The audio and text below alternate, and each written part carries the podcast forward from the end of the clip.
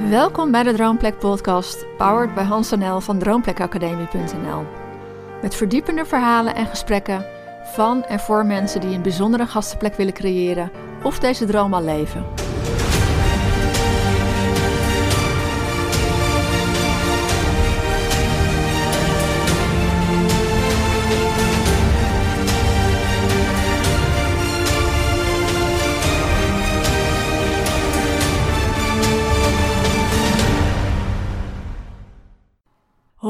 Leuk dat je weer luistert. En voor dit podcast-interview hebben we Klaas van Walderveen uh, gevraagd. Klaas bouwt met zijn vrouw twee droomplekken op in Oostenrijk: Berghotel de Ski Lounge en daarna de Bauernlodge. En dat zijn uh, luxe appartementen. In maart 2017 verhuist Klaas na 12 jaar met zijn drie kinderen weer terug naar Nederland. Nadat zijn vrouw Jikke eind augustus 2016 plotseling overlijdt. Klaas, welkom bij, uh, bij onze podcast. En fijn dat je je verhaal met, uh, met ons wilt delen. Ik vind het ook heel moedig dat je, dat je mee wil werken. Want we blikken met jou terug op een bijzondere tijd in Oostenrijk. Maar toch ook wel met een, uh, met een zwart randje, denk ik. In juni 2005 ben jij met je vrouw en jullie tweeling van 20 maanden naar Oostenrijk geëmigreerd. Wat was het moment waarop jullie dachten: we gaan dit doen? Dat moment is al, uh, was al acht jaar daarvoor geboren, uh, ongeveer. Ik ben eigenlijk al vanaf mijn zestiende actief uh, bergbeklimmer. Ik had een vriendinnetje en haar vader was een bekende Nederlandse bergbeklimmer. En die heeft mij de mooiste toppen van Zwitserland laten zien. En daardoor heb ik het virus opgelopen van de bergen. Ehm, ik heb mijn school afgemaakt. Ik heb de IVA gedaan in Driebergen. Ik ben toen in de autobranche gaan werken en uh, nou, mijn grote droom was een eh, eigen dealerschap runnen. Toen ik 28 was, uh, had ik dat ook voor elkaar. Was ik manager bij Audi uh, in, in, de provincie Utrecht. En um, ja, ik heb daar met heel veel plezier gewerkt. En alleen de druk werd elk jaar meer. En Um, ja, ik, ik, ik vond elke keer weer uh, mijn rust in de bergen. En ja, dat, werd, dat gevoel werd voor mij steeds belangrijker. Uh, en daardoor kwam ik ook op veel plekken. En op een gegeven moment ontstond er een idee om een. Ja, ik vond nooit de ideale plek voor moderne buitensporters. Ik vond mijzelf een moderne buitensporter. Uh, maar ik zat altijd in een oude verlopen tent waar alles ranzig was. En uh, ik dacht, nou, ik kan dat beter. En um, nou, uiteindelijk uit dat, uit die, dat gevoel is het zeg maar ontstaan. Ja, toen ben ik mijn vrouw uh, ergens op mijn werk tegengekomen. En, nou, toen uh, hadden we eigenlijk een huis in Frankrijk gekocht, in de Porte Soleil. Um, maar daar bleek uh, de helft niet bij te zitten dan dat ze beloofd hadden. Um, daar zijn we toen op het laatste moment nog vanaf ge gekomen, zeg maar. Um, het nadeel van de hele situatie daar was, is dat ik niemand meer kon vertrouwen, omdat er allemaal makelaars met elkaar samengewerkt hadden om ons erin te leggen. Um, dus ja, dat was klaar. Nou, toen uh, kregen we een tweeling. Daarna kwamen er vliegtuigen naar beneden, of het was andersom, in New York. Toen stond de hele wereld ook op zijn kop. Uh, toen moest ik ook even niet aan denken om uh, voor mezelf te beginnen. Uh, nou, eerst waren de vliegtuigen, toen kwam de tweeling.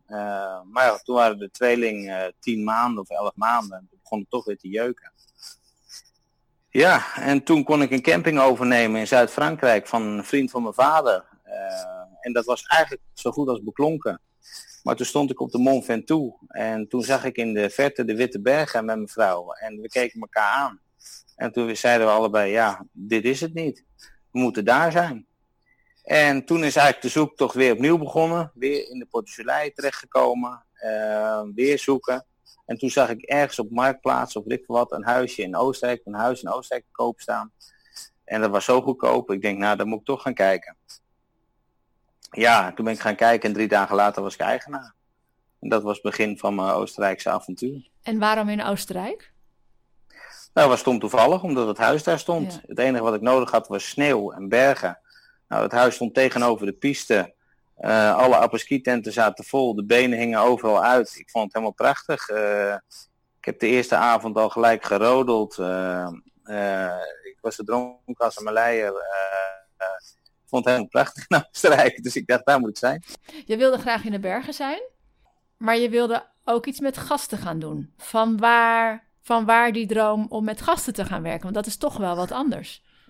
Nou goed, ik, ik vond het leuk om mensen uh, een beleving te, te, te geven die ik dan zelf verwachtte als ik ergens was, maar nooit gevonden had. Mhm. En ik vond het leuk om dat, uh, om dat aan andere mensen ook te geven. En uh, een deel van die herinnering komt, van het, van het doel komt uit mijn jeugd terecht vandaan waarbij we op vakantie gingen en dan ging de heer des huizes met ons wandelen. En ja, dat vond ik altijd prachtig. En, en ja, en, en uit dat idee ja, zijn we zeg maar begonnen.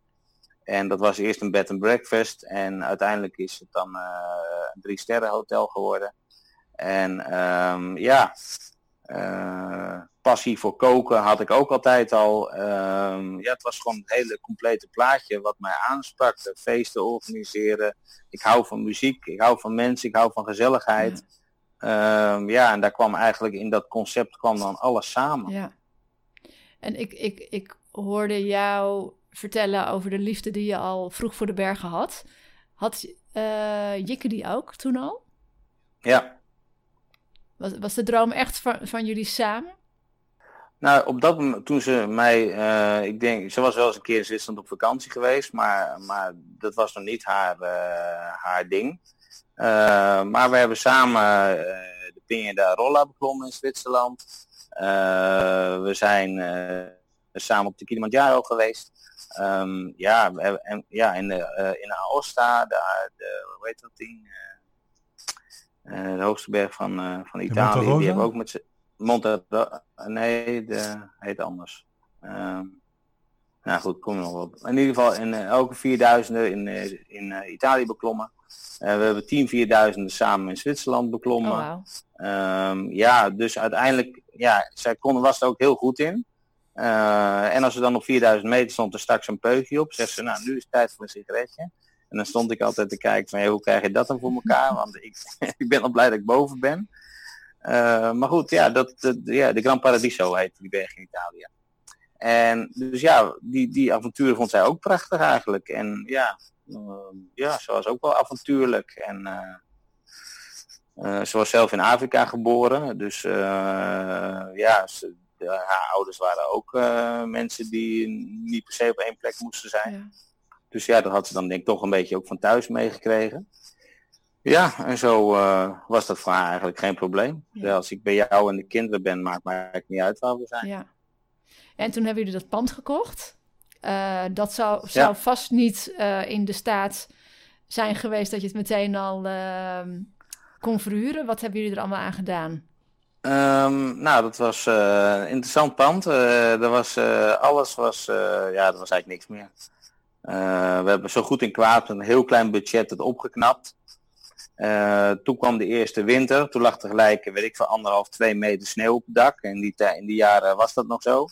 Uh, en uh, nou, na de winter liep al het water het huis in, in plaats van van het dak af. Dus de hele bovenverdieping had waterschade. Ehm, de wind waaide doorheen. Ik was 15.000 liter olie kwijt in één seizoen. En ehm, ja, dus het sloeg helemaal nergens op. Dus toen ben ik toch nog maar een keer met de bank gaan praten. En toen heb ik een uh, hogere hypotheek gekregen. Toen heb ik alle ramen vernieuwd, dak vernieuwd, dakkapellen erop gebouwd. Voor meer capaciteit. Uh, beter geïsoleerd. Ja, en vanaf dat punt ja, steeds verder gaan professionaliseren, zeg maar. Ja. ja. En wat was het uh, concept waarmee jullie gasten wilden aantrekken? Nou, het concept was eigenlijk dat, dat, dat het een ongedwongen huiselijke sfeer uh, moest zijn. Uh, en dat mensen uh, een hoofdreden was dat ik vond dat mensen in Nederland zo weinig met elkaar praten. En wij mhm. wilden een plek creëren waar mensen met elkaar in gesprek gingen. En, en mhm. waar zij dus hun ervaringen van hun dag in de bergen met elkaar konden delen. Dus we hadden een hele grote loungebar hadden we gemaakt met een open haard en alles erop en eraan. En echt een plek waar mensen samen konden zijn. Uh, ja, om hun ervaringen met elkaar te delen. Dat was eigenlijk uh, de hoofdmoot van, van het concept eigenlijk in het begin. Ja. En je zegt uh, in het begin? Ja, uiteindelijk, uh, uiteindelijk verandert er ook veel. Weet je, toen wij in de jaren begonnen in 2005, toen speelden kinderen nog met Lego. Een jaar later zaten ze met de DS en Nintendo voor hun neus op een rijtje. En twee jaar later stonden ze alleen nog maar met hun hand naar links en rechts te vegen op een tablet. Dus ja, er verandert ook heel veel in, in, in, in de wereld, zeg maar. Dus ja, dan kan je, je zelf wel heel veel willen, dat willen. Maar als mensen dat zelf niet willen, dan wordt het toch lastig.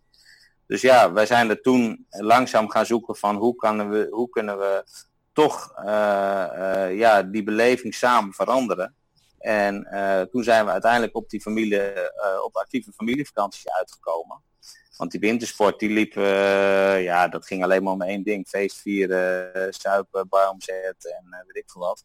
En ehm, ja, dat was eigenlijk niet zo spannend. Mensen wilden alleen maar zo snel mogelijk ontbijten, zo snel mogelijk avondeten en, en overdag skiën. En, en ja, we hadden, de bar was dan wel zo gezellig dat, dat ouders dan toch vaak blijven hang, hangen en zo. En omdat het zo kleinschalig was, was het in de familieweken uh, wel dicht bij ons concept. Maar de rest van de winter was uh, alleen maar party party en, en doorgaan. Dus dat was gewoon geld verdienen. maar in de zomer, door met gezinnen op een berg te staan, en dan ook met zes, zes, zeven, acht gezinnen tegelijk, ja, dan krijg je toch wel hele bijzondere momenten. En, uh, dan leren ook die, die mensen elkaar, die gezinnen elkaar ook goed kennen op een andere manier, zeg maar. En dat, dat heeft me altijd wel heel veel plezier, uh, meestal heel veel plezier gegeven. Ja. Ja. ja. Dus als ik het goed begrijp, hadden jullie wel een beeld voor ogen, wat best wel lastig te realiseren was. En hebben jullie later een beetje de graal gevonden van het met de mensen de bergen, de bergen ingaan. Ja, ja, dat was. Ja, je gaat op een gegeven moment zoeken van, omdat in de zomer, ja, je kan skiën, mountainbiken, maar dat doet iedereen. Motorrijders, eh, je kan je daarop richten, maar dat doet iedereen. De les is om, om, om jezelf te zijn en, en daarbij ook iets te hebben wat een ander niet heeft. En um, ik moet eerlijk zeggen, er zijn heel veel mensen die mijn concept ook in de buurt gekopieerd hadden. Maar die hebben het allemaal niet gered. Want het kan alleen maar als je het vol passie en overgave doet. En het is echt een opgave om met zes gezinnen door de berg te trekken. Want de een heeft dit en de ander heeft dat. En je moet wel positief blijven. En je moet ze bij elkaar weten te houden. En, ja, en je moet het spannend weten te houden. En, uh, ja, en dat, dat is kennelijk niet uh, zomaar voor iedereen weggelegd. Het is wel, uh, wel grappig, want toen wij naar Oostenrijk wilden vertrekken, uh, ons hart lag in instantie ook niet in Oostenrijk, maar wij vonden daar ook het pand waarvan we dachten: hé, hey, hier willen we wonen. Toen hebben we eens gekeken van: hé, hey, wat, voor een, uh, wat, voor een, ja, wat voor een Nederlanders zitten er eigenlijk in Oostenrijk? En toen kwamen we op de ski lounge en eigenlijk was jullie plek de enige plek waarvan wij dachten: nou, dit komt enigszins in de buurt van wat wij, um, van wat ook onze maatstaf is, laat ik het zo zeggen. Want jullie waren eigenlijk uh, in mijn optiek de eerste in jullie soort. Ja, heb dat, je dat gerealiseerd? Ja, dat, dat, heb ik me zeker gerealiseerd, ja. ja. Uh, het grappige was dat ik altijd in de gaten had dat er eigenlijk maar, er waren, als het over uh, leuke vakanties in de berg uh, terechtkwamen, dan kwamen er eigenlijk maar twee namen naar voren. Dat was de ski lounge in de berghut. En voor de rest eigenlijk niks. Nou ja, en toen, waren wij, er nog, toen waren wij er nog niet eens, hè? maar dat, dat is inderdaad zo. Ja, later was dat zo. En dan zei ik altijd, ja, wij zijn de moderne versie van de berghut, zeg maar. Want jullie gingen met fakkels op pad en wij gingen met hoofdlampjes, weet je, door de sneeuw lopen. Dat vond ik dan, dat vond ik dan altijd wel super grappig. Uh... Ja, dus um, je weet natuurlijk ook nooit helemaal precies hoe iemand anders tegen je aankijkt, hè? Nee. wij, wij hebben jullie altijd uh, van de buitenkant in ieder geval als, als een succesvol, uh, uh, stijlvol bedrijf gezien. Ja, nou dat was ook de bedoeling. Dus dat is, maar dat is ook gelukt en dat is het ook geworden. Waar ik nog even nieuwsgierig naar ben, Klaas, is... Um, jij zegt van inderdaad, toen hebben we op een gegeven moment in de zomer... Zo hoor ik het in ieder geval echt een graal gevonden. Weet je, dichtbij wat jij echt, waar jouw passie zit. En dat sloeg ook aan bij ja. jullie gasten. Hoe uh, vertaalde zich dat uiteindelijk naar de winter toe? Heb je daar toen ook wijzigingen gebruikt of wijzigingen gemerkt in je gastenpubliek? Um, um, nee, eigenlijk niet. Uh, en dat is ook eigenlijk het probleem geworden. De winter heeft uiteindelijk uh, uh, ons doen besluiten om de tent te verkopen. Want de winter was zo vermoeiend en, en um, ja, zo niet meer wie wij, wie, wie wij waren. tuurlijk, je bent dan gewoon een hotel. Je bent gewoon een hotel, dus je bent een plek voor mensen die ja, ik had heel veel bedrijven uh, die feest kwamen vieren. Maar soms ging dat ook helemaal nergens over. En um, ja, dan moest ik wakker blijven om, om te zien dat iedereen veilig in zijn bed kwam. Of mijn halve tent niet afbraken midden in de nacht.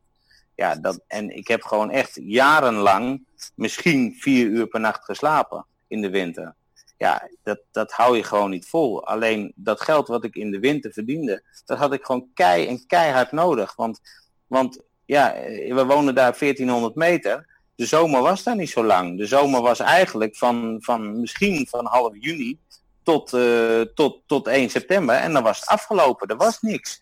En dat was ook omdat de infrastructuur niet meewerkte. De liften gingen dicht, de hutten gingen dicht. Er was gewoon geen ene reet te beleven. En ik moest altijd ja, steeds creatiever worden om, om mijn seizoen op een of andere manier te rekken. Uh, of ik moest het uit de winter halen. Dus ja, ja, en in de winter, ja, dan, dan lukte het wel, zeg maar. Maar, maar in de zomer was dat best moeilijk. Was het, uh, was het een moeilijk besluit om het helemaal door jullie opgebouwde bedrijf, het huis, uh, wat toch ook een goede naam had, te verkopen? Nee, het voelde echt als een bevrijding. ja, ik vond het vond het jammer van, van de zomergasten, maar ik had natuurlijk wel in mijn achterhoofd om iets op te gaan zetten uh, en met het zomerprogramma door te gaan. En ik zou natuurlijk in mijn nieuwe concept alleen in de winter appartementen gaan verhuren. Ja, daar kan ik gewoon negen uur lekker uh, zelf uh, bij de open haard zitten. En ehm, ja, dat was gewoon een bewuste keuze om, om, om dat achter ons te laten. Kun je nog het moment in de tijd herinneren dat je zegt en, en, en, en nu is het moment daar, nu gaan we verkopen? Was dat nog een specifiek iets? Nee hoor, dat heeft twee jaar geduurd voordat ik het kwijtgeraakt ben. Maar je zet het op een gegeven moment te koop? Um, nou, we hebben het eigenlijk in de stille verkoop gezet. Dus ik wilde eigenlijk niet dat iemand het wist. Uh, dus er was een Nederlandse makelaar, die, uh, vrouwelijke makelaar, die een huis in Oostenrijk deed. En die heeft het uiteindelijk ook verkocht, maar dat heeft heel lang geduurd. Ook omdat het natuurlijk bijna exposure was. Um, ja, achteraf misschien niet de meest handige zet. Want ik denk dat ik uiteindelijk dan wel meer had voor kunnen beuren. Maar goed, ja, dat maakte me ook eigenlijk op dat moment helemaal niet uit. Want ik wilde gewoon, uh, um, ja, en dan moet ik natuurlijk het verhaal wel even compleet maken. Uh, twee jaar voordat we het verkochten, heeft natuurlijk mijn dochter in de keuken uh, een ernstig ongeval gehad, waarbij de hand verminkt is. Toen, dat meisje was nog geen twee jaar oud, of nog geen één jaar oud zelfs. En ja, dat was ook een, een reden dat wij dachten van, ja, weet je, voor mij was dat persoonlijk iets van, ja, als ik al niet meer de veiligheid van mijn kinderen kan waarborgen, ja, waar zijn we dan mee bezig? Weet je, alleen maar hard werken en uh, de combinatie, want ja, mijn dochter van één hoort natuurlijk niet op het aardigblad thuis in een, in een bedrijfskeuken ja, uh, het was gewoon zo, omdat het zo was. Mijn, ik kon niet, ja, ik stond achter de bar toen het gebeurde en mijn vrouw die, uh, ja, we hadden geen personeel op dat moment. Dus we moesten het allemaal wel zelf doen. En ja, dan word je ongedwongen of ja, gedwongen in, in situaties kom je dan waar je eigenlijk helemaal niet in wil zijn. En uit zo'n situatie is het drastische ongeluk gebeurd. Ja, en toen hebben we eigenlijk, dat was eigenlijk wel een soort kantelpunt in, in, in dat hele verhaal. En ja, dat heeft toen nog twee jaar geduurd voordat het eindelijk zover was. Um, maar ja, maar vooral ook, ja, dat was een belangrijk punt in die beslissing. Um, ja, maar ook gewoon de, de winter, uh, ja, het ging nergens meer over uiteindelijk. Het was um, te ver van jullie vandaan. Te ver bij ons vandaan, ja. ja. Wij hebben ook ge gezegd van nou, wat waren nou alle waarden? Wat waren nou alle dingen waar wij voor gegaan zijn toen we hierheen gingen? Uh, en wat hebben we daar nu van bereikt? Nou, we hebben er wel heel veel van bereikt. Ik bedoel, mijn kinderen konden toen skiën als, als de duivel. ik heb mijn kinderen daarop kunnen laten groeien. ja, de beschermdheid, de veiligheid, het genieten toch wel van de bergen. het feit dat ik de bergredding heb kunnen doen, bergwandelgidsopleiding gevolgd. tuurlijk was ik veel meer in de bergen dan, dan dat ik in Nederland was, maar, maar nog lang niet genoeg als dat ik eigenlijk wilde. En ehm, dus ja, alles, dat alles bij elkaar heeft toen voor die beslissing gezorgd. Maar toen, toen hadden jullie de ski lounge niet meer. En wat was jullie plan voor daarna? Nou, daar hebben we niet zo heel veel tijd voor gekregen. Want uh, in juni uh, was het definitief verkocht. En we moesten er 1 augustus uit, midden in het hoogseizoen. En ik had al direct die boerderij ook gekocht. Uh, ik had een oude boerderij van 300 jaar gekocht, omdat het ook een droom was. Ja, en dat kwam allemaal samen op dat moment. Ik kon die boerderij kopen, ik kon de ski lounge verkopen. Ja, maar goed, die boerderij had nog een heleboel haken en ogen. Die had geen ingang officieel. Die had, nou, ik heb van zeven mensen grond moeten kopen. Van de gemeente, van de agrarische gemeenschap, van de weidegemeenschap, weet ik veel wat. Het was één groot drama voordat ik dat voor elkaar heb gekregen. Uh, ik heb nog een huis moeten slopen zelfs. Dat heeft me nog uh, 20.000 euro gekost. Dus je koopt een huis, maar je moet het daarna direct slopen. Want ik had twee huizen gekocht. dus nee, ook dat was niet, uh, ging ook niet vanzelf, zeg maar. Wat was jullie nieuwe ideaal? Het nieuwe ideaal was meer tijd voor elkaar, meer tijd voor de bergen. Uh, op een hoger niveau iets neerzetten. Dus niet onderaan beginnen zoals we in Ski Lounge gedaan hadden, want de weg naar boven is zo verschrikkelijk lang. Dus gelijk op een goed niveau iets neerzetten, gelijk een goede prijs vragen. Ja, en iets unieks neerzetten. En meer ruimte voor onszelf. Ik woonde in de Ski Lounge uh, negen jaar op 70 vierkante meter met drie kinderen en een hond. Uh, zelfs nog twee honden af en toe ook. En uh, ja, we gingen daarna een huis met 260 vierkante meter. Dus ja, dat was natuurlijk. Uh, en dan praat ik alleen over mijn eigen huis. Ja. En dan had ik nog 400 vierkante meter waar ik voor de gasten wat ging bouwen. Dus ja, ja, dat. Ik moet zeggen dat uiteindelijk is dat wel. de ski lounge was wel qua concept, zeg maar, mijn, mijn, mijn, mijn ja, hoe noem je dat? Mijn levensdoel wat ik, wat ik wilde vervullen. Maar qua bouwwerk was, was de hotel, de, de bouwlodge zeker de holy grail, zeg maar, wat ik kon realiseren. Ja, want die heb je helemaal zelf verbouwd, hè? Ja, met, met één collega, Michel, was ook een Nederlander die in Tirol woonde. Die was elektricien en die had ook twee rechterhanden. Ja, we, waren, we noemden onszelf buurman en buurman. we hadden ook t-shirts. En uh, ja, zo, we hebben met z'n tweeën, omdat er ook geen bedrijven tijd hadden en weet ik wat, er was altijd wel een reden. En dan zeiden we, nou, we gaan, we het gewoon zelf doen en dan zien we het wel. Nou, uiteindelijk hebben we die tent helemaal zelf uh, gebouwd, uh, met drie hele luxe appartementen. In een mooie authentieke stijl die bij de boerderij hoorde. En ja, op een gegeven moment hadden we onze paarden daar weer staan. Mijn vrouw had dan twee paarden. Uh, we hadden geiten, konijnen, uh, ja. En de mensen in het dorp vonden het prachtig dat die boerderij weer helemaal zijn oude glorie terugkreeg met alles wat erbij hoorde. Uh, mevrouw ging dan ook met de kinderen racen met de koets door het dorp, met de ponies ervoor. En ja, het was, het was eigenlijk ja, prachtig. En uh, ik moet wel zeggen, ik heb twee jaar lang me helemaal kapot gewerkt aan die boerderij. Ik stond echt gewoon twaalf uur per dag op een ladder zo ongeveer. Dus ik denk wel dat het tien jaar van mijn leven gekost heeft. Maar ja, ik had er graag voor over. Vond je op dat moment wat je zocht? Um, ja, ik heb uh, dat pand, dat had iets magisch. de eerste keer dat we daar aankwamen, voelden we eigenlijk direct dat we daar thuis horen. Um, en um, dat is eigenlijk altijd zo geweest. Dat, het huis was, ja, dat was echt onze plek. Het was, ja, het was alles wat we eigenlijk zochten. Misschien wat, had de plek nog mooier gekund. Maar ja, je kan niet alles vervullen, zeg maar. Om als buitenstaander een oude boerderij te kunnen kopen in Tirol is sowieso wel best wel uniek. want, want die snoepjes die gaan meestal naar een ander. Of ze worden gewoon gelijk gesloopt. Ehm, dus ja. Dus ja, het was echt wel de plek waar ik graag wilde zijn. En, en die we heel graag wilden hebben.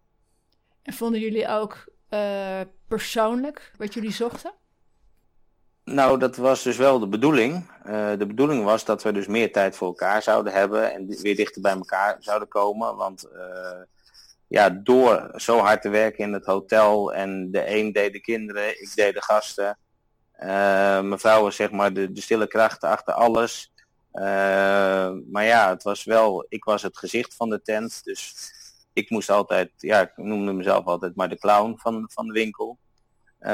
dus iedereen, ja, zat naar mij te kijken van, nou, Klaas, wat gaat er gebeuren? Klaas, wat gaan we doen? Klaas, hoe zit het? Uh, en mevrouw, ja, die, die, die, die was dan de stille kracht daarachter. En ik moet eerlijk zeggen dat de laatste jaren waren we wel echt een team geworden daar. En daar ben ik ook wel heel trots op haar. Uh, want het was een hele verlegen vrouw. Uh, heel bescheiden, heel verlegen. Um, mm, dus om, om uiteindelijk daar echt als gastvrouw te staan, dat, dat is er wel gelukt. En dat was ook uh, de laatste jaren echt wel natuurlijk, zeg maar.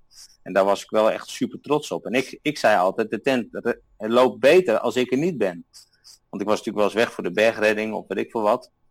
Uh, en dan draaide zij me alleen. En dan had ik altijd wel het idee dat het beter ging. Als zij uh, een avondje achter de bar stond, dan was het altijd dolle boel.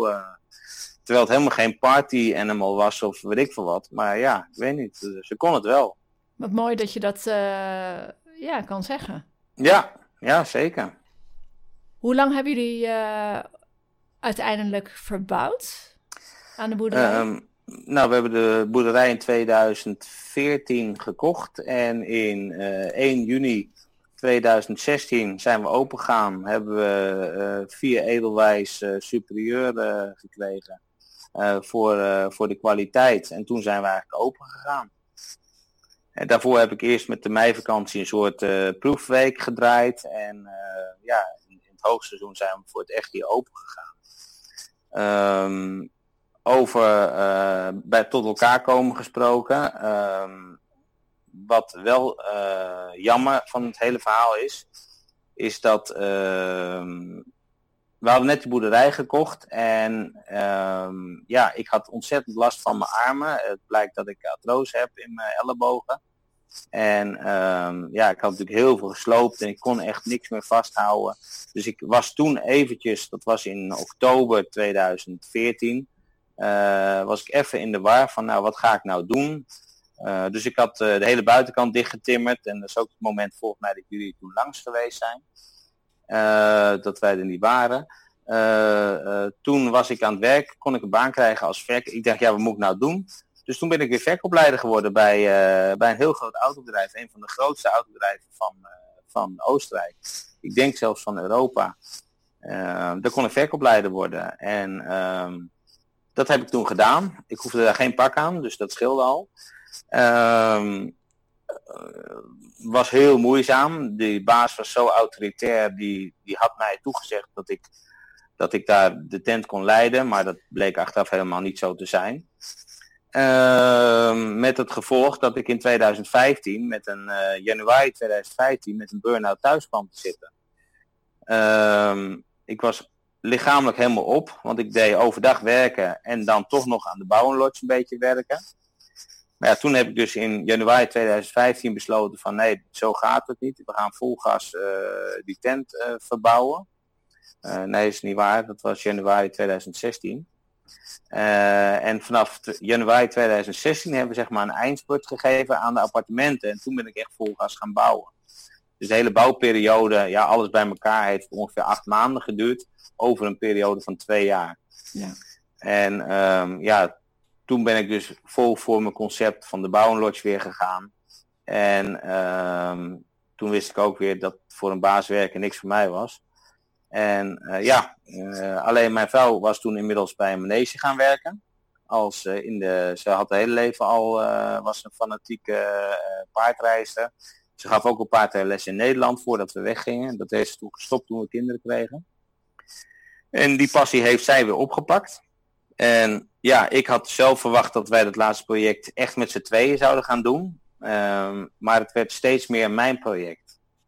En uh, dat is iets wat mij zelf heel veel pijn gedaan heeft. Dat uh, vond ik heel moeilijk. Uh, want dat was eigenlijk niet wat ik wilde. dat was ook niet de bedoeling. En um, ja, ze was heel veel weg. De kinderen waren heel veel weg, want de kinderen gingen direct uit school naar de manege toe. bijna elke dag. Um, ja, dus die zag ik dan ook niet. Dus ik was alleen met mijn vriend Michel aan het klussen en, en dat was het dan. En dus het gevoel van het samen doen, uh, dat was eigenlijk best wel behoorlijk verdwenen. Ja, dat heeft me ook heel veel pijn gedaan. En uh, ja, dat was absoluut niet mijn, mijn bedoeling van het hele verhaal, uh, nee. zeg maar. Maar goed, ja, de passie. Ik heb wel aan de andere kant, is zij helemaal, zij was de zonneschijn van die manege. Zij zeiden, ze is de engel van de manege. Als zij er is, dan loopt alles. En dat is hetzelfde wat ik al zei van de ski lounge. Als ik er niet was, dan, ja, weet je, uh, dat kan ook aan mij liggen, zeg maar. Dat, dat ik, ik weet niet, uh, autoritair ben of, of weet ik veel wat. Maar als, als zij dan op die manege was, dan liep alles gesmeerd. En ze had altijd een lach. En ze had tijd voor iedereen. En ze had begrip voor iedereen. En er waren nooit problemen. Het liep altijd soepel. En uh, ja, en um, ja, als je dan uiteindelijk ziet bij het afscheid uh, na haar overlijden, als je ziet hoeveel kinderen daar gestaan hebben en ouders huilend daar uh, bij die kist stonden, nou, ik krijg er nog tranen van in mijn ogen als ik aan denk, want dat, dat heb ik me nooit beseft. Ik heb er toen pas gezien wat zij voor andere mensen betekent. Sorry, betekende. Ja. en ja, dat ja, want je hebt het over het overlijden van, uh, van Jikke. Kun je daar iets meer ja. over vertellen, wat er gebeurd is? Ja, uh, op, uh, aan het eind van de zomer, 26 augustus, was de mooiste dag van, van de zomer. Ehm, ik had al heel lang een hele lange klimroute van 7, 8 uur. op de Gerenspitze, dat is een berg op de Hanekam in Reuten. rots, rotskam. Uh, fantastische klimroute waar we al jarenlang, ik en mijn bergmaat uh, uit de buurt, Marcus uh, Wolf, ehm, ja, als bergredders zijn we fanatieke klimmers. En ja, dat was een, die hadden we al zo lang op ons, op ons dingetje staan, maar ja, het kwam er nooit van. En dus we hadden al lang van tevoren afgesproken. Nou, dat was de dag, die dag, 26 augustus 2016, ben ik om vier uur s ochtends opgestaan zou om vijf uur weggaan. Dus ik, uh, en altijd als ik een gevaarlijke bergtocht maak, die ik best wel vaak in mijn leven gemaakt heb, dan nam ik heel bewust afscheid van mijn vrouw. Dus ik maakte de wakker en Sis was nog wel zagrijnig ochtends. dus ik net zo lang kussen totdat ze moest lachen. En nou ja, toen ging ik dus weg. en nou, het was de mooiste dag van de wereld. Het was, de lucht was zo blauw en ja, het was prachtig. Eh, ja, ik hoef jullie niet te vertellen hoe mooi de eind van de zomer in, in de Alpen is. Uh, dus het was rustig weer, er was niks aan de hand. Um, dus ja, wij aan klimmen, klimmen, klimmen. De ene touwlengte naar de andere. En tot ongeveer drie uur.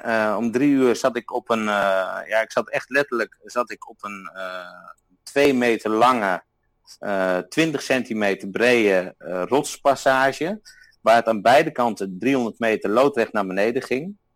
En ik zat, mijn, op me, ik zat daar op, met mijn benen over de rand, uh, zat ik mijn collega na te zekeren. Die was aan het klimmen. En ik klim uh, zeker hem dan vanaf beneden na.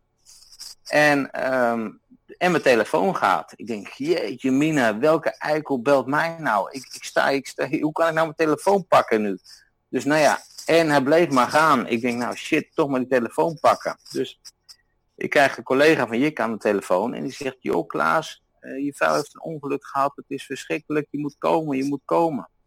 Ik zeg, ja, je moet komen. Ik zeg, ik sta bovenop een berg op 3000 meter, hoe moet ik komen? Dat duurt uren voordat ik hier weg ben. Ja, je moet komen, het is, het is heel erg, je moet komen. Nou, dus ja, ik wist van niks. Ja, ik wist dat er een ongeluk gebeurd was, maar verder wist ik niks. Dus ik probeer mijn collega, mijn vriend te bellen want die was al zo ver. Ik zag hem al niet meer. Dus ja, ik had natuurlijk slecht bereik op die berg. En uh, nou ja, uiteindelijk ik uh, maar wachten totdat ik uh, na kon klimmen. Dus ik kom boven uiteindelijk bij hem. Ik zeg, god, Marcus, we moeten naar beneden. Mijn vrouw heeft een ongeluk gehad. Ik moet naar de manege toe. Ja, hij zegt, ja, we kunnen nu niks doen. In tussentijd gaat de telefoon. Mijn zoon belt. Papa, ik sta bij mama. Uh, ze kan bijna niet meer praten. Ze ligt op de grond. Uh, je moet komen. Het gaat echt niet goed. Papa, je moet komen. Dus ja, ik ja, ja goed. Nou, uiteindelijk, wij staan bovenop die bergtop uiteindelijk. Want we moesten nog vier, vijf touwlengtes klimmen. En ik zie de helikopter uh, voorbij vliegen. Want wij konden vanaf de bergtop precies zien waar zij werkte. Dus wij zien daar de helikopter heen gaan. Dus ik denk, nou ja, net zoals bij mijn dochter. Uh, um, ze wordt zometeen opgehaald met de helikopter. Ze vliegt naar Innsbruck. Ik haal straks mijn kinderen op. Ik rij naar Innsbruck. En ik zie wel wat er aan de hand is. En tot die tijd kan ik toch niks. Maar ik was helemaal in paniek. En mijn maat die zegt, joh, Klaas, het enige wat we kunnen doen is dat we veilig van die berg afkomen met z'n tweeën. En meer kunnen we nu niet doen. We kunnen niet sneller. Ik zei, nee. Oké, dus nou, wij zo snel als mogelijk naar beneden gegaan. We hebben er drie uur over gedaan voordat ik weer in de bewoonde wereld was. Ik ben vol gas met mijn auto die bergpas opgereden naar, naar die manege toe. Ik kom daar aanrijden. Uh, ik word gestopt door de baas, uh, want ik reed bijna door de manege heen.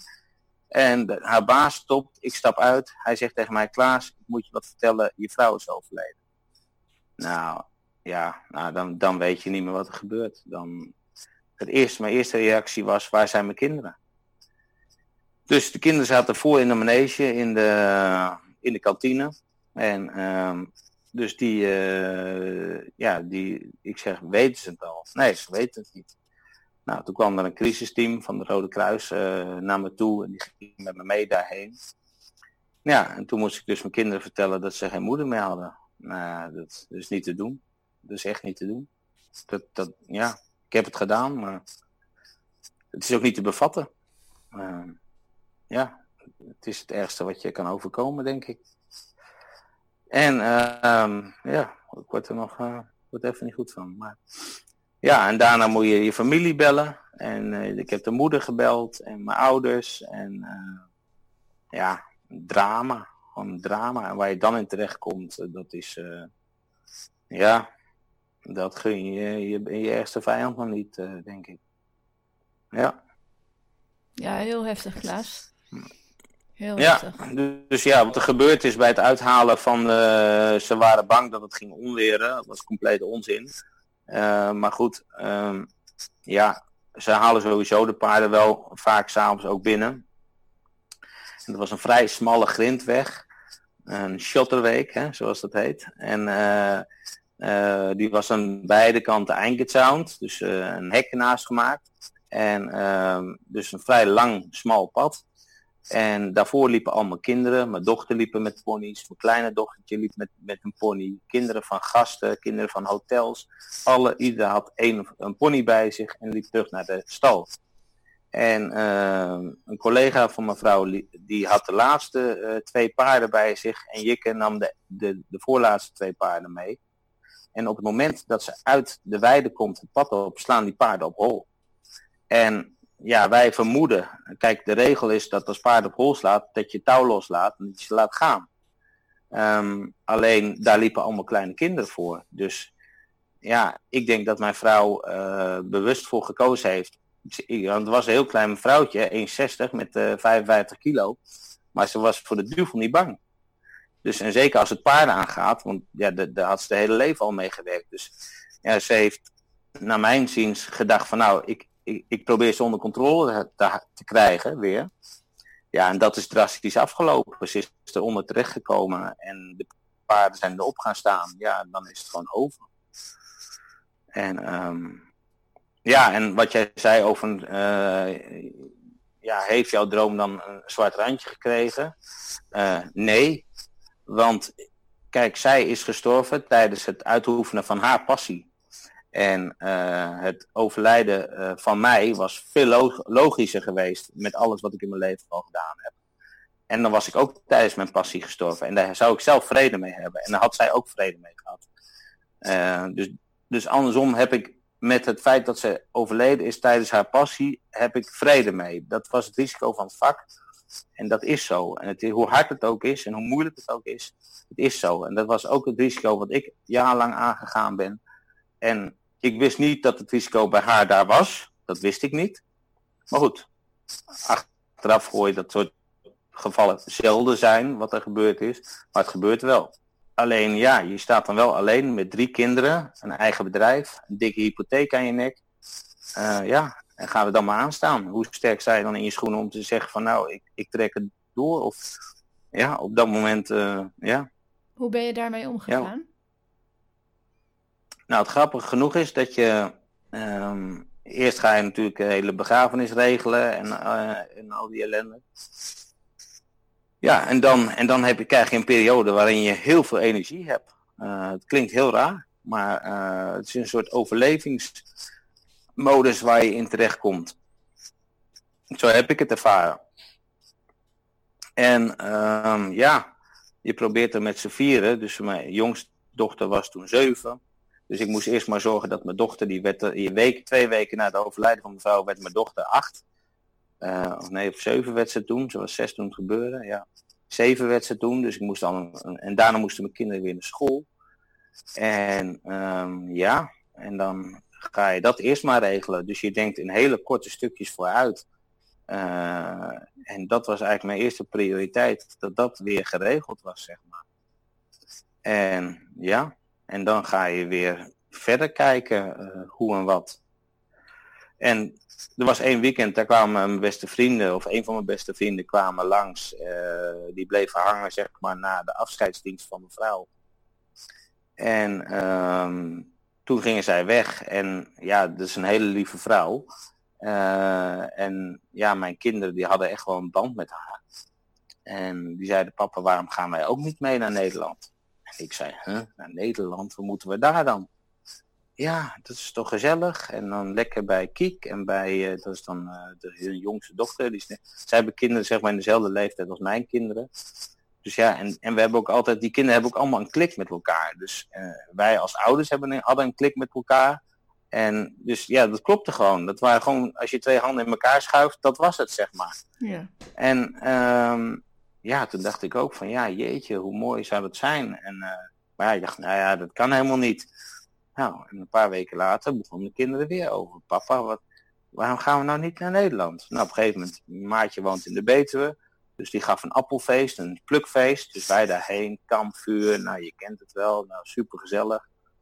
Ja, en toen vroegen mijn kinderen weer, papa, waarom weet je het nou nog niet? Ja, ik zeg, het is nogal niet wat. Weet je, ja. um, ik, ik zeg, er is geen weg terug. Weet je, dan moet ik alles verkopen. En nou, op een gegeven moment, ik zeg maar, als we de knoop doorhakken, dan gaan we ervoor. Nou, uiteindelijk, ik had dan zelf een beetje rondgekeken naar huizen. En ik kon vlakbij, waar mijn vriend woont, een heel leuk huisje kopen van 100 jaar oud. Ik denk, nou, hoe mooi zou het zijn als ik dan financieel onafhankelijk ben. In zoverre dat ik mijn huis kan betalen en dat ik geen zorgen meer heb om een hypotheek. Um, ja, en dan die kinderen, die hebben dan hun vrienden hier. En ik woon dicht bij mijn vrienden, die kunnen dan ook me helpen met de kinderen. En met werk zouden we wat samen kunnen doen. Ja, en zo had ik daar een heel mooi positief beeld van gecreëerd voor mezelf. En, en de kinderen ook. Um, misschien is dat toch iets natuurlijks of zo, dat je dat dan ook wil, heel graag op dat moment. En ja, zodoende hebben wij toen op een gegeven moment uh, jullie benaderd, ik dan, uh, met de vraag van, joh, ken jij misschien mensen die interesse zouden hebben om, om uh, de bouwlodge over te nemen? En ehm, nou, ik had zelf ook bij een makelaar, bij verschillende makelaars te koop staan. En ja, voor ik het wist had ik drie, vier mensen die het wilden kopen. En ze gingen nog tegen elkaar opbieden. En, en het werd één gekkenhuis uiteindelijk. En dus ja, toen heb ik het dus uh, ja, aan, aan een Nederlands echtpaar uh, verkocht. En uh, omdat ik daar het beste gevoel bij had, ik kon het aan een Duitser verkopen, dan kon ik aanzienlijk meer geld krijgen. Maar dat heb ik niet gedaan omdat ik het, omdat ik ook, ik wilde ook achteraf geen gezeik hebben. Dus ik wilde het gewoon met een goed gevoel verkopen, voor beide kanten. En ik wilde ook dat, dat, dat de volgende, zeg maar, met mijn gedachtegoed of ons gedachtegoed uh, de Bouwenlodge verder zou bedrijven. Op dat moment vond ik dat heel belangrijk. Maar um, ja, en zo, zo is dat toen eigenlijk in een stroomversnelling gekomen. En voor ik het wist had ik het dus verkocht. En ja, 1 maart was de overdracht, of, of 1 april was de overdracht van, van mijn hotel. Of van de Bouwenlodge. En, en, en 3, maart, 3 april was de overdracht van mijn huis in Nederland. Zo, zo snel ging het. En ik ben uiteindelijk 20 maart verhuisd. Ja. En hoe gaat het nu met je? Nou, uh, hoe het nu met me gaat, uh, dat uh, vraag ik mezelf ook vaak af. Um, ik weet het niet. ik vind het moeilijk om, om weer een doel in het leven hier te vinden. Een doel in het leven, die heb ik natuurlijk wel, dat zijn mijn drie kinderen. Um, maar daarnaast wil je ook toch je eigen uitdagingen en je eigen passies toch weer vormgeven. En um, ja, in Nederland val je nou eenmaal niet meer zo veel op als dat je in Oostenrijk opviel. Kijk, in Oostenrijk was ik een succesvol ondernemer waar heel veel mensen respect voor hadden en, en, en ik ook een bepaald aanzien genoot. Niet dat ik daar heel erg uh, warm van werd. Maar het is wel een fijn gevoel dat mensen waarderen wat je doet. En, en dat je niet maar een nummer bent. En uh, als ik bij de bank kwam bijvoorbeeld, dan zeiden ze, Klaas, je bent de beste ondernemer in mijn portefeuille. En uh, als ik bij mijn accountant kwam, die zei, Jezus, hoe, hoe krijg je het toch elke keer weer voor elkaar? Je maakt van niets, maak je iets, zoiets moois en ja, onvoorstelbaar. En um, ja, en uh, ja, ik hechtte daar zelf niet zo heel veel waarde aan, maar um, uiteindelijk ben ik er sinds ik hier woon wel achter gekomen dat dat is dus wel is wie ik ben. Zeg maar. Ja, ik ben dus degene, ik ben dus gewoon iemand die ja, graag projecten aangaat, dat opzet, bedenkt, uitvoert, realiseert. En daarnaast uh, geniet ik natuurlijk uh, van het in de bergen zijn. En ik heb me echt, ik ben zo dankbaar aan de ene kant dat ik twaalf jaar lang uh, heb kunnen doen uh, wat ik heel graag wilde en wil. Um, en ik dacht dat ik dan daar nu wel uh, een andere invulling aan zou kunnen geven als ik in Nederland was. Want ik had mezelf uh, wijs gemaakt van nou, weet je, dat ik, de bergen zijn maar 800 kilometer ver. Maar ja, in de dagelijkse praktijk stap je niet even in de auto om, om naar Oostenrijk te rijden. Want ja, je kinderen moeten naar school, je, je moet er ook het geld voor hebben. Um, allemaal dat soort dingen. Uh, en dan, dan is het dus helemaal niet zo vanzelfsprekend om even naar de bergen te gaan. En um, ja, en dan, en dan ga je dus de vraag ook stellen van ja, uh, ik heb 15 jaar gedaan, of 12 jaar gedaan wat ik heel graag wilde. Um, maar uh, ja, waarom ga ik dat niet nog steeds doen, zeg maar? En wat was dat dan precies, als je het hebt over, ik heb twaalf jaar gedaan wat ik heel graag wilde. Wat was dat dan precies wat je heel graag deed? Nou, uh, in de bergen leven. Uh, het leven in de bergen. En um, als je dan in Nederland komt, dan zie je toch ook een verschil in wat je je kinderen hebt kunnen geven. Uh, en ik heb dus nog een klein dochtertje van, van acht. Um, ja, en die heeft nog niet alles gekregen wat mijn oudste twee van 14 gekregen hebben toen ze in Oostenrijk woonden. En um, dan zie je toch dat het in Nederland anders gaat. Er is minder tijd voor kinderen op school. Uh, ja, er is, de school waar mijn dochter op zit is weinig ruimte voor creativiteit. Uh, mijn oudste twee zijn naar de HAVO gegaan, wat heel veel moeite gekost heeft. Uh, zijn natuurlijk ook direct blijven zitten na drie maanden. Uh, waren de beste kinderen van de klas in Oostenrijk. Ze zijn nu de slechtste van de klas. Um, ja, dat zijn toch wel hele moeilijke dingen. En um, als je dan de, ja, de, de aandacht in, in Tirol, uh, uh, in Reuten zaten ze op de Neue Mittelschule. En daar hadden ze dus 48 leraren op 175 kinderen. Hier hebben ze 48 leraren, geloof ik, op, op 1700 kinderen op de HAVO. Ja, zo, maar in ieder geval een hele andere verhouding, laten we het zo zeggen. Um, dus ja, daar kan ook nooit de aandacht gegeven worden uh, en de ruimte en de aandacht voor, voor, voor, voor iemands ontwikkeling en voor zijn creativiteit en alles. Want daar is gewoon geen oog voor, want er is geen tijd voor. En um, ja, dat heb ik me allemaal niet zo gerealiseerd. Uh, ik wist niet hoe dat hier ging. Ik wist nog hoe het was toen ik zelf op school zat. Ja, dat is ook al uh, een eeuw geleden, zeg maar. Dus uh, uh, ja. En dat vind ik dan nu ook, dat, dat knaagt dan ook aan. Maar dan denk ik van ja, weet je, ze hadden het zo mooi. Ehm, heb je het gevoel dat je het impulsief besloten hebt? Uh, impulsief zeker niet. Uh, ik heb het besloten op het gevoel dat ik op dat moment had. Ja. Um, dus dat, dat kan ik niet impulsief noemen. Uh, ik heb er echt goed over nagedacht. Ik heb er echt met. ik had ook veel hulpverleners in Oostenrijk. iemand van de Caritas, was een oudere vrouw, die me hielp. Dat was een fantastisch mens. ik, mijn kinderen hadden rouwbegeleiding. Ik had zelf iemand van de overheid die me, die me hielp zeg maar, bij alle familiezaken en waar ik ook alles mee kon bespreken. Um, ja, en die zeiden ook, wij vinden het logisch dat je nu terug naar je wortels wil. Zo zagen zij dat. Um, en alleen geloof ik dat een deel van mijn wortels, een groot deel van mijn wortels toch in Oostenrijk zitten.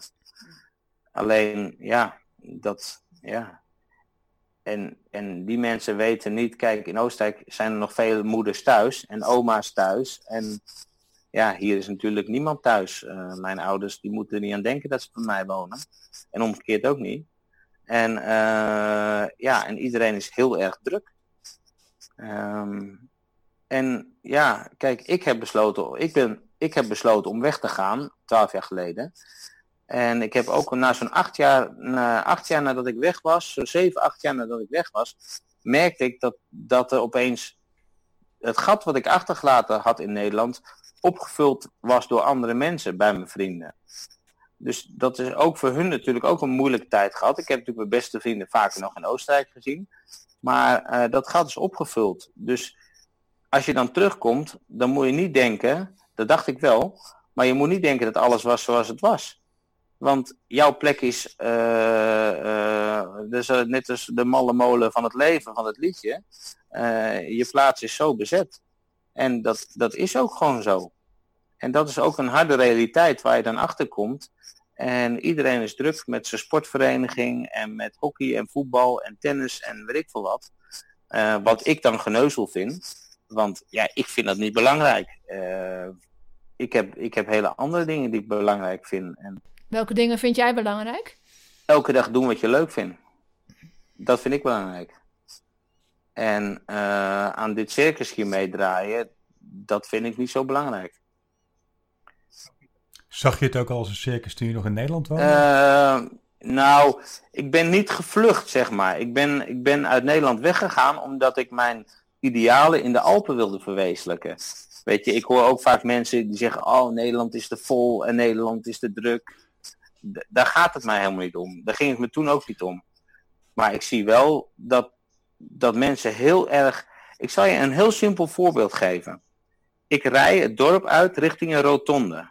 Als ik in Oostenrijk op een rotonde, als we die al hadden, opkom. Je rijdt in Oostenrijk op een voorrangsweg. Er komt van rechts iemand aan en die ziet dat jij haast hebt.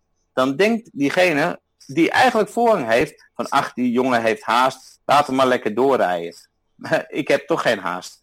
En, en als je hier in Nederland op een rotonde komt, en dan zie ik gewoon soms, dan rijdt er iemand voor me, en dan zie ik aan de linkerkant iemand aankomen, en die zie ik gewoon expres versnellen om diegene dwars te zitten. Dan denk ik, waar zijn, waar zijn jullie mee bezig? Weet je, dat, ja, en dan zie je dan zo'n, ja, zo zie ik dat dan zelf, een boekhouder in de Skoda Octavia Combi aankomen. En dan denk ik, ja jongen, wat, wat wil je nou bereiken? Wat, dat, ben je opgefokt, je zit opgefokt in de auto. Die andere man is boos omdat hij bijna afgesneden is. En dan denk ik, ja, wat hebben jullie nou allebei bereikt? Dat zijn dingen, die, je, nou, die heb ik in Tirol nog nooit meegemaakt. Sterker nog, ik heb nog nooit een toeter gehoord van een auto. Als je toetert, ja, dat is alleen in noodgevallen denk ik, maar voor de rest uh, niet om iemand dwars te zitten of, om je agressie uit te spreken. Dus nee, dat, er is echt veel veranderd. Uh, ik vind het nog agressiever geworden. Um, en dan woon ik nu in de Betuwe. Dat is nog, dat is nog een beetje, ja, daar is het nog een beetje gemoedelijk en rustig. Um, maar ja, het is, het, is, het is wel veel veranderd. En als je dan twaalf jaar lang in, die, in een hele andere mentaliteit geleefd hebt, en er komt nog wat bij. Mijn, mijn, mijn dochter, die, voel, die voelde zich in het begin helemaal niet op de gemak op school. Want alle kinderen waren alleen maar bezig met uiterlijk vertoon. Hoe zie ik eruit? Wat voor kleding heb jij? Wat voor dure schoenen heb jij? Wat voor telefoon heb jij? Mijn dochter zei, papa, waar hebben die meisjes het allemaal over? Dat is toch helemaal niet belangrijk? Ik zei, nou Felice, je hebt ook helemaal gelijk. Dat is ook helemaal niet belangrijk.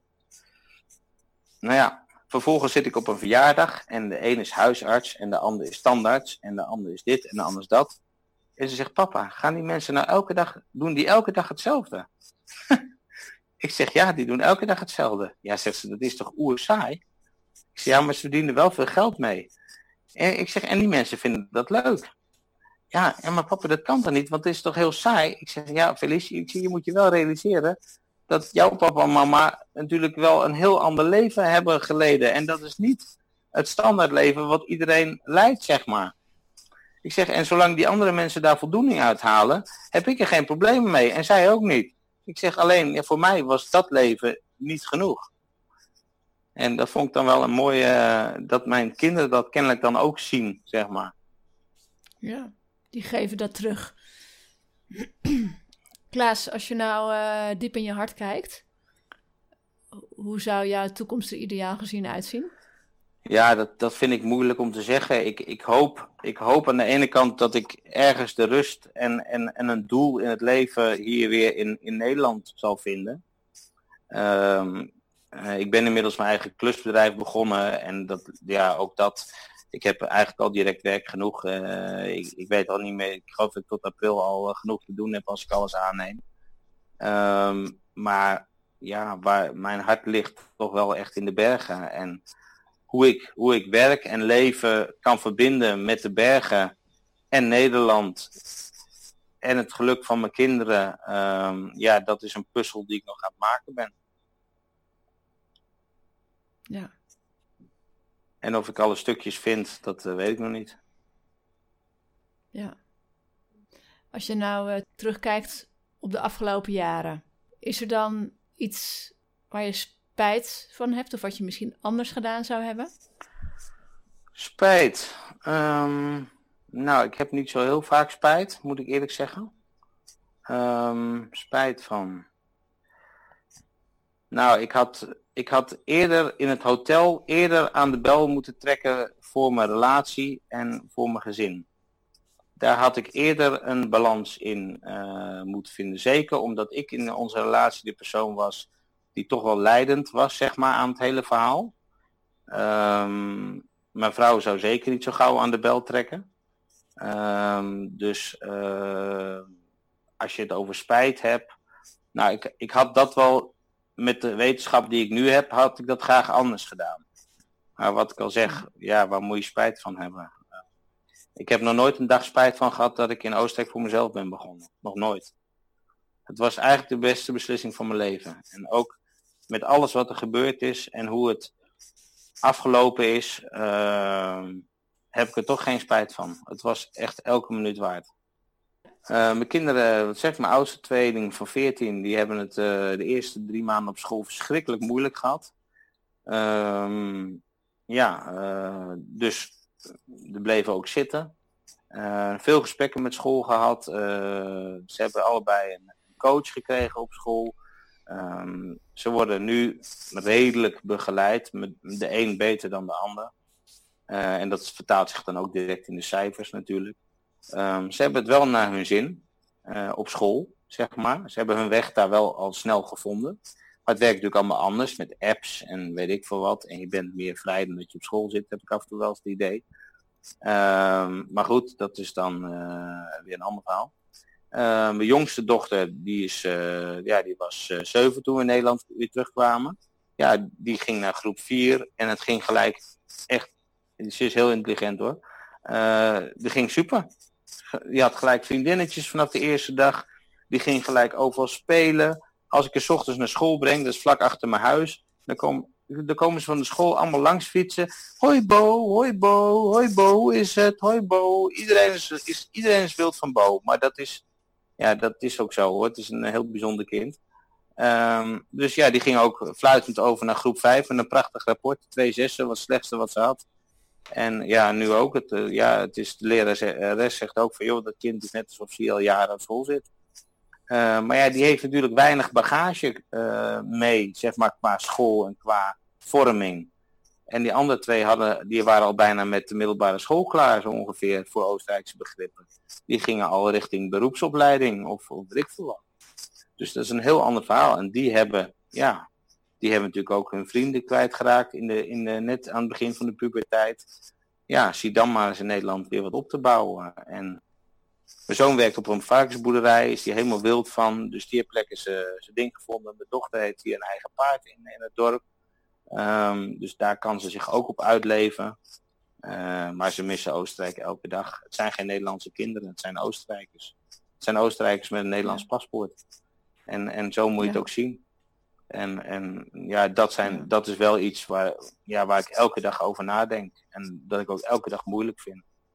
Want ik gun hun eigenlijk uh, ja, een, een mooie jeugd. En, en, en, en, en ja, soms, weet je, ze zijn alles al kwijt. Ze zijn met hun moeder natuurlijk heel veel kwijtgeraakt.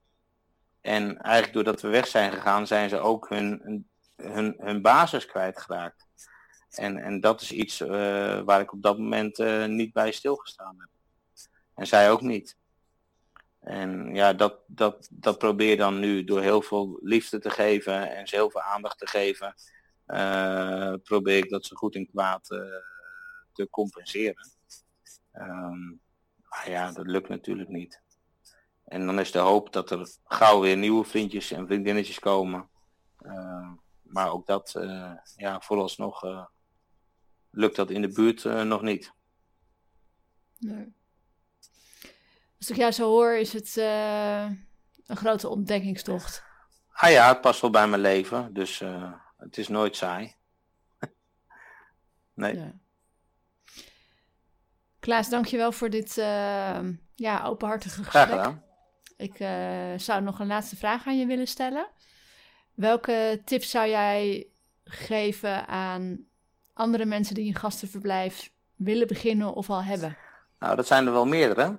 Um, het allerbelangrijkste is dat de basis van je relatie 100.000% goed zit, zover je dat kan inschatten. Ten tweede moet je het allebei voor 100.000% willen. Um, uh, dus er moet een duidelijke takenverdeling zijn uh, in wat je gaat doen. Um, ja, en als het de ene passie is en de ander niet, ja, dan wordt het, dan wordt het een heel moeilijk verhaal. Um, ik heb dat zelf ondervonden in de buurt met verschillende mensen. Um, is moeizaam. En ik dacht dat ik echt een goede relatie had. En toch hebben we het heel moeilijk gehad.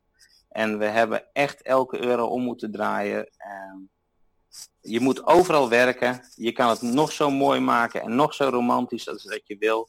Iedereen ziet die Oostenrijker rondrijden met zijn dikke auto en die elke dag gaat skiën. Maar die hebben ook al een heel verhaal daarvoor gerealiseerd of komen uit een familie waar het allemaal wat makkelijker gaat. Maar je moet overal keihard werken en uh, daar maakt, dat maakt geen reet uh, verschil uh, dus dat is een heel belangrijk iets. Um, ik zou er echt heel goed over nadenken voordat je deze stap neemt. Dankjewel Klaas. Dankjewel voor het luisteren naar de Droomplek podcast. En we hopen dat het je geïnspireerd heeft. En wil je nou nog meer inspiratie? Kijk dan op droomplekkenacademie.nl of like ons op Facebook.